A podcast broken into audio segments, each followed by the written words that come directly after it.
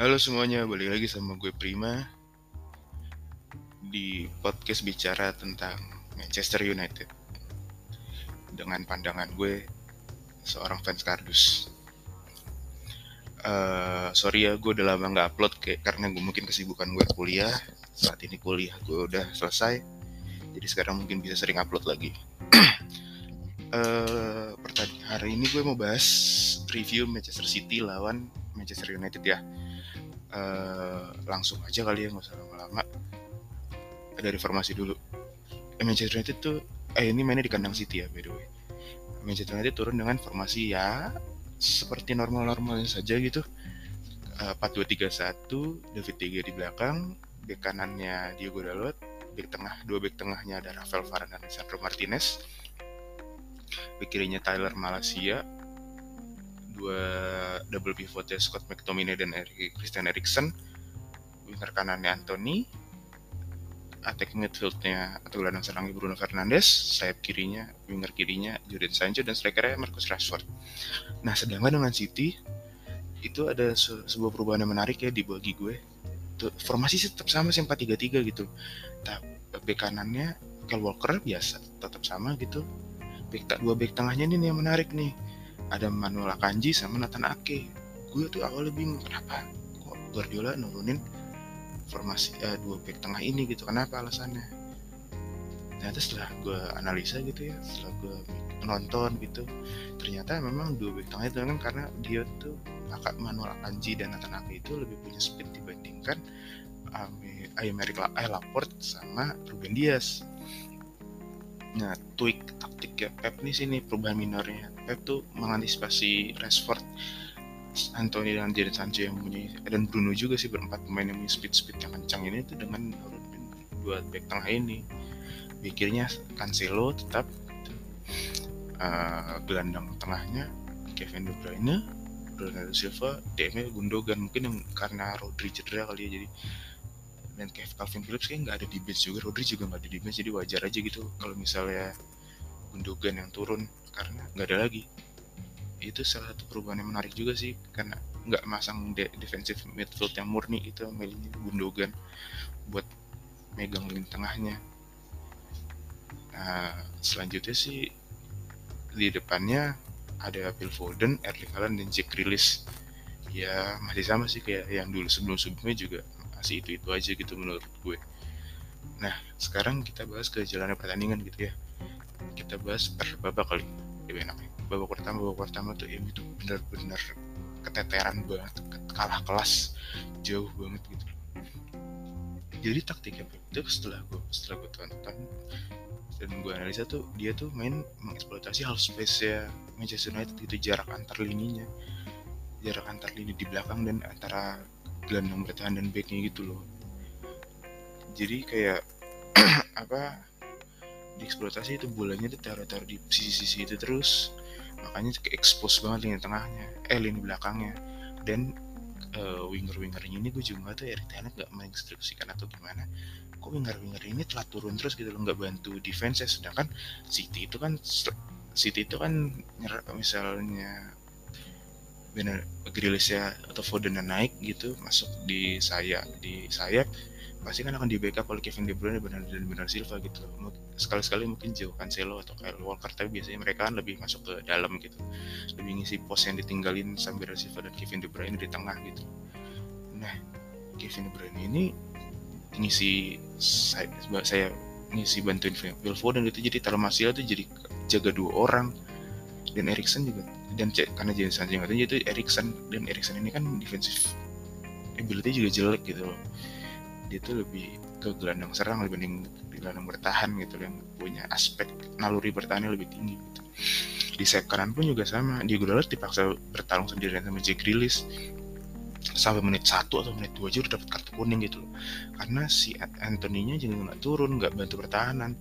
Jadi yang ada si di posisi sayap kanan dan sayap itu sering kalah jumlah gitu loh kayak misalnya yang nyerang misalnya ada Walker ada De Bruyne ada Foden di kiri itu. Jadi misalnya cuma malah si Erikson gitu loh. Jadi kalah jumlah terus. Misalnya Martinez bantu jadi kan akhirnya Martinez ketarik ke kiri itu juga di kanan gitu loh. Kayak Diego Dalot tuh bertarung sendirian lawan di Grealish dan Joao Cancelo atau Bernardo Silva gitu loh. Salah satu di antara mereka yang backup. Dan McTominay juga akhirnya keteteran jaga yang ada Gundogan juga masuk ya. dan Anthony itu selalu telat turun gol babak gol pertama itu beneran karena kalah jumlah sih kalah numerical ability lah bahasa bahasa sepak bola itu kan nah, uh, yang sering dipakai oleh sepak bola Spanyol itu kan cara nyerangnya cara bertahan itu pasti numerical ability gitu menang jumlah posisinya. Di gol pertama tuh Varan eh Dalot McTominay itu kalah jumlah dengan Jack Grealish dengan Merasiba dan Joe Cancel gitu loh jadi kayak kalah jumlah. Terus gol kedua pun ya Kevin De Bruyne nggak ada yang jaga gitu udah keburu ketarik ke belakang.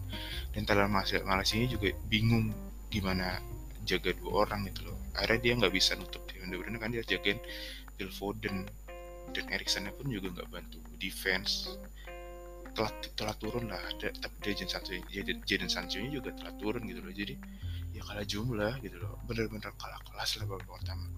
Gue ya gue sih selalu keren gue nonton Halan tuh kayak gila lah ini main.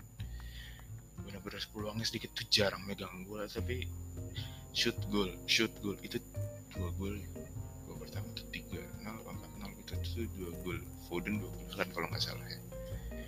Iya iya babak pertama itu dua gol. Empat nol pokoknya itu dua gol. Foden dua gol Halan itu loh kayak wah ini sih benar-benar dikasih ruang banget. Terus nggak setelah beberapa gol gol ketiga Rafael Varane cedera masuk Victor Lindelof yang kualitasnya jauh banget dibanding Varane gitu loh. Wah makin ketar-ketir gue nanti sebagai yang nonton gitu kan kayak wah bisa 6-0 nih gue bilang nih. Karena iya kualitasnya jauh banget gitu. Victor Lindelof kan kelebihannya kan cuma bisa pegang bola dengan nyaman gitu sama lah Lisandro Martinez pegang bolanya itu nyaman banget. Tapi aspek defensif eh, aspek defensif memang lebih baik Lisandro Martinez kalau uh, apa kayak misalnya Victor Lindelof tuh aspek defensifnya menurut gue jelek bukan levelnya MU lah. Itu masih bagus Rafael Varane. Makanya menurut gue wah kacau nih babak pertama. Isu disaster lah menurut gue bener-bener kayak eh, pemain MU tuh bengong sama kayak nggak ada yang salah. XG-nya aja pun nggak nyampe satu 0, berapa. MU tuh nggak nyerang sama sekali babak pertama. Cuma bener-bener cuma nungguin Uh, siapa? Manchester City nyerang gitu loh. Mendilatin cuma di pressing pressing tanpa dapat apa pressing iya tapi akhirnya juga karena nanggung mungkin pressingnya gitu nggak full nggak lima orang itu akhirnya dieliminasi. Bener-bener kayak dilihat diajarin cara main bola babak pertama gitu loh. Kayak wah malah empat kosong wah ini sih kacau. Sampai gue liat menit keberapa tuh di tayangannya di live ya para penutup pendukung GMU juga udah pada pulang kecabut dari stadion gitu kan. Wah ini sih benar-benar hancur sih nggak ada nggak ada perlawanannya sama sekali gitu loh habis itu juga babak pertama bek kanan bek kiri ada kartu kuning tambah lebu. Iya kan kuning gak ada lagi sih. Ya babak pertama dua dua kartu kuningnya ya. Oke. Itu benar-benar kayak diajar main bola sih. Jadi menurut gue 4-0 ya itu layak layak banget layak kalah yang nah setelah itu gue nggak ngerti sih harus kayaknya Erik Ten di Erik Ten Hag itu di mana? Ruang ganti tuh marah-marah sih menurut gue harusnya. Karena nggak harusnya lo kalah sebanyak itu satu babak itu banyak banget 4-0 dan lo tuh bengong gitu nggak nggak mencoba untuk memperbaiki keadaan gitu loh. Nggak coba keluar nggak coba create peluang juga enggak orang sampai pertama XG-nya cuma 0,10 0,1 berarti.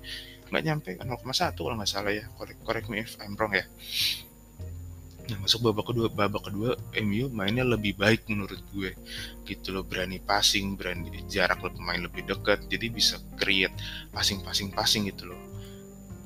Jadi apa ya bisa lebih pede gitu nyerang yang, yang sepenglihatan gue ya. Gol yang gol siapa Anthony yang pertama itu yang buka pertama itu kan karena switch play itu dari pit bola pindah ke kiri ke kanan dari kiri pindah ke kanan akhirnya karena nggak ada yang jaga dia dan terlalu terfokus ke kiri udah terlalu ketarik ke kiri gelandang-gelandang pemain-pemain City akhirnya si Anthony itu dapat peluang gitu di depan gawang. Dan itu di dan itu golnya bagus banget. Uh, sedangkan eh babak kedua itu show masuk pertama sorry kelewatan. Show masuk karena taruh masuknya kayak main jelek banget ya yang ada di acak-acak banget sama Foden sih kalah kelas. Terus golnya Anthony setelah itu siapa masuk oh Casemiro Casemiro masukin Scott McTominay coba memperbaiki ini lini bagian lini pertahannya lah. Menambahkan defensive midfield ya lebih baik nggak bilang lebih baik juga sih bulan juga sih sebenarnya dua gol. Tapi ya menurut gue lebih baik lebih baik di match itu gitu dengan pengalamannya cara mengeliminasi bolanya. Coba potong serangannya gitu loh. Walaupun ya bulan dua gol itu 6-1 eh 4-1 terus nggak lama golnya Halan hat trick lah dia gak dijaga lagi. Benar-benar nggak ada yang jaga. Gue bingung kenapa itu bisa los ya tetap aja gitu. Ada aja momennya. Uh, space kosong. Tengah space half space itu di eksploitasi terus di sayap-sayap ini gitu. Anthony-nya telah turun tapi jadi nya telah turun. Gue bingung kenapa pada mereka berdua itu nggak track back gitu loh nggak menambah jumlah. Karena kan harus City itu harus harus menang jumlah dulu biar bisa lebih aman lah gitu menurut gue ya cara mutus serangan kita skala jum menangin jumlahnya dulu juga pemainnya situ berapa lo turun semua untuk nutup itu. Karena kalau nggak pasti kalah dengan skill individu dengan passing-passingnya dia cara dia kan sudah terbiasa di pressing sudah santai aja gitu nggak terlalu punya masalah ketika di pressing gitu. Terus setelah itu gue Martial dia melalui menurut itu inisiasi Fred sih. Fred itu mulai ruang kosong di antara bek kanan dan bek kirinya gitu menurut gue ya. Karena show berani maju ke depan berani crossing. Itu yang tidak dilakukan Thailand Malaysia mungkin babak pertama gitu loh. Tidak mencoba untuk crossing tidak coba untuk masuk ke dalam. Ada cuman ketahan di tengah doang gitu. Uh, setelah itu ya empat satu eh itu udah tiga empat itu udah enam enam satu apa nggak salah. Kalau nggak salah ya enam satu habis itu dikejar sama Anthony gol ya. Keberuntungan tapi oke lah penting gol gitu. Golnya 6-2 gitu kayak ya udah itu 6-2 itu apa ya bahasanya the best yang terbaik yang bisa MU lakukan di pertandingan itu itu ya kualitasnya menurut gue untuk memperkirakan ya itu mentok ya itu udah mentoknya segitu gitu loh bandingin City. City itu tim yang sempurna menurut gue. Nggak ada miss ya jadi back dari kiper back gelandang penyerang tuh nggak ada miss sama sekali menurut gue emang bagus gitu loh. Jadi itu setelah gol pertama abis itu nggak gol eh gol pertama gol kedua yang dari Martial yang agak beruntung tapi ya itu karena usaha mereka lah coba gitu coba masuk ke dalam coba menerobos dengan skill individu. Itu akhirnya 6-2 lah. Nggak lama 6-3 babak terakhir pertandingan. Eh satu menit terakhir ya kalau nggak salah deh menit terakhir deh penalti itu. Yang menurut gue itu layak penalti itu enggak lah lo nggak ngelakuin nggak ngejegal orang kayak gitu. Apalagi di zaman sekarang itu yang udah ada VAR yang kameranya banyak sekali jadi terlalu gak mudah untuk terlihat deh gitu. Ketika lo salah-salah melakukan kesalahan dalam tackle dan lain-lain itu yang bahaya gitu. Karena ya banyak buktinya gitu bisa di review di VAR gitu ayolah jadi 6-3 gol Anthony Martial.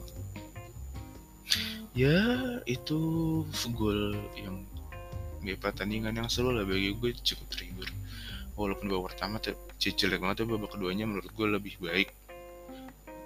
Lebih baik lah tetap jelek sih tapi dia coba come up lah. Coba untuk berubah berubah keadaan gitu ya. Jadi gue apresiasi lah usahanya untuk merubah keadaan gitu. Ya kalau gue bilang sedih apa enggak kalau lawan situ tuh apalagi kondisi MU lagi ini tuh buat gue kalau orang jebut itu calculated gitu ya kalah kalau kalah tuh ya udah gitu. Gue dari sebelum pertandingan pun imbang aja itu udah alhamdulillah banget udah bersyukur banget kalau bisa imbang. Ternyata nggak bisa kan akhirnya kalah iya udah gitu karena lawannya City gitu. Tim yang terlalu sempurna gitu mereka tuh tahun lalu gak punya striker aja bisa juara liga tuh gue gak ngerti. Tak masuklah Halan makin jadi makin tajam makin lengkap puzzle-nya itu si Pep Guardiola. Dia kurang penyerang dia dapat penyerang dan penyerangan itu beneran bukan orang menurut gue. Dia itu udah tiga kali hat trick musim udah tiga kali hat trick musim ini. Itu 8 match cuy. Gue lupa dicetak berapa gol tapi itu dari 8 match dia tuh udah bikin tiga hat trick kan gila. Itu gak ada yang bisa kayak gitu. Gue lupa yang pertama saya yang terdekat siapa gitu. Paling setahu gue yang bisa tiga kali hat trick itu paling baru bisa kejadian itu di game week 20-an lah apa 10 ini game week 8 gitu tuh wah, ini orang sih gila. Terus ini baru berapa match 8 match udah bikin 14 gol. Udah gila gue bilang.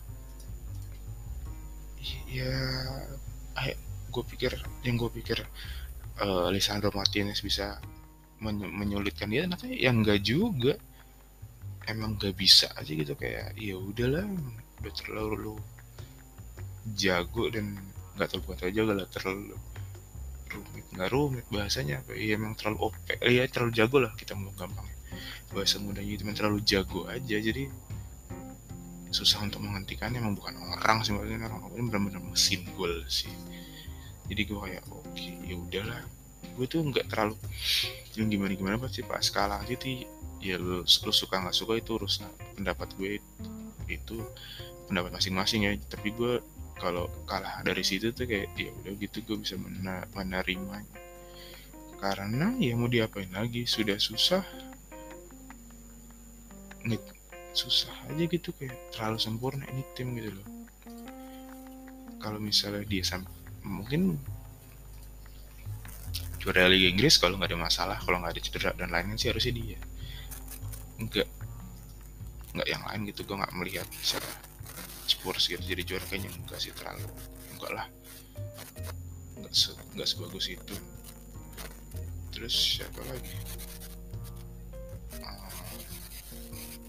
Liverpool Liverpool lagi hancur-hancur gue juga nggak setelah Sri tiga tiga lawan Brighton gitu. Atau nggak Chelsea Chelsea juga masih belum bisa stabil. Ya harusnya sih City jadi juara gitu karena ya udah nggak ada lagi yang bisa nandingin dia. Hmm, itu aja kali bahasan gue. Karena gue gue Halan ya itu luar biasa gue ya, respect banget temannya walaupun City itu lawannya. Tapi gue respect banget. Wah ini orang sih beneran keren. Yang mimpin coach mungkin kalau misalnya The GOAT dibanding-banding itu siapa yang lebih baik gitu. Mungkin penerusnya Messi Ronaldo mungkin mereka berdua gitu ada Haaland ada Mbappe. Nah, itu kan jadi perdebatan lagi tuh siapa yang paling good gitu greatest of the world gitu of the time sorry greatest of the all the time. Misalnya Messi Ronaldo mungkin dia gitu loh ya, karena memang bagus banget. Gitu aja sih. Next match sih gue lupa ya MU lawan siapa ya? Sebentar gue cek dulu. Setelah MU lawan City kalah itu masih di peringkat 6 ya. Gue infoin lagi infoin dulu. Beda dengan Chelsea itu satu poin tapi baru mainin 7 game. Dengan peringkat 4 Brighton 14 itu beda 2 poin Tottenham ya udah main 8 kali tapi 17 poin jadi beda 3 12 3 17 12 itu 5 gitu. Peringkat 3 nah, peringkat dari MU itu peringkat 3 peringkat itu beda. 5 nggak terlalu jauh lah. Karena kan game itu juga masih banyak setahu gue MU belum ketemu Spurs juga masih bisa lah. Masih bisa sih sebenarnya nggak jelek. Gitu apa yang dilakukan MU walaupun kalah lawan City tapi ya masih bisa. Masih bisa lah City 20 poin masih gue nggak bisa bilang terlalu dekat terlalu dekat sih kayak terlalu dini sih masih 8 game belum puluhan game. Mungkin nanti setelah puluhan game baru kelihatan gitu siapa yang konsisten siapa yang stabil siapa yang enggak. Gitu sih next match MU ya balik lagi. Next match MU itu ketemu Everton. Everton itu kemarin menang lawan Southampton 2-1 gue lupa deh kapan terakhir Everton menang Everton tuh kemarin menang. Menang menang dua kali menang sebelumnya seri. Hmm, ya nggak terlalu bagus juga sih Everton di peringkat lah peringkat berapa nih? 11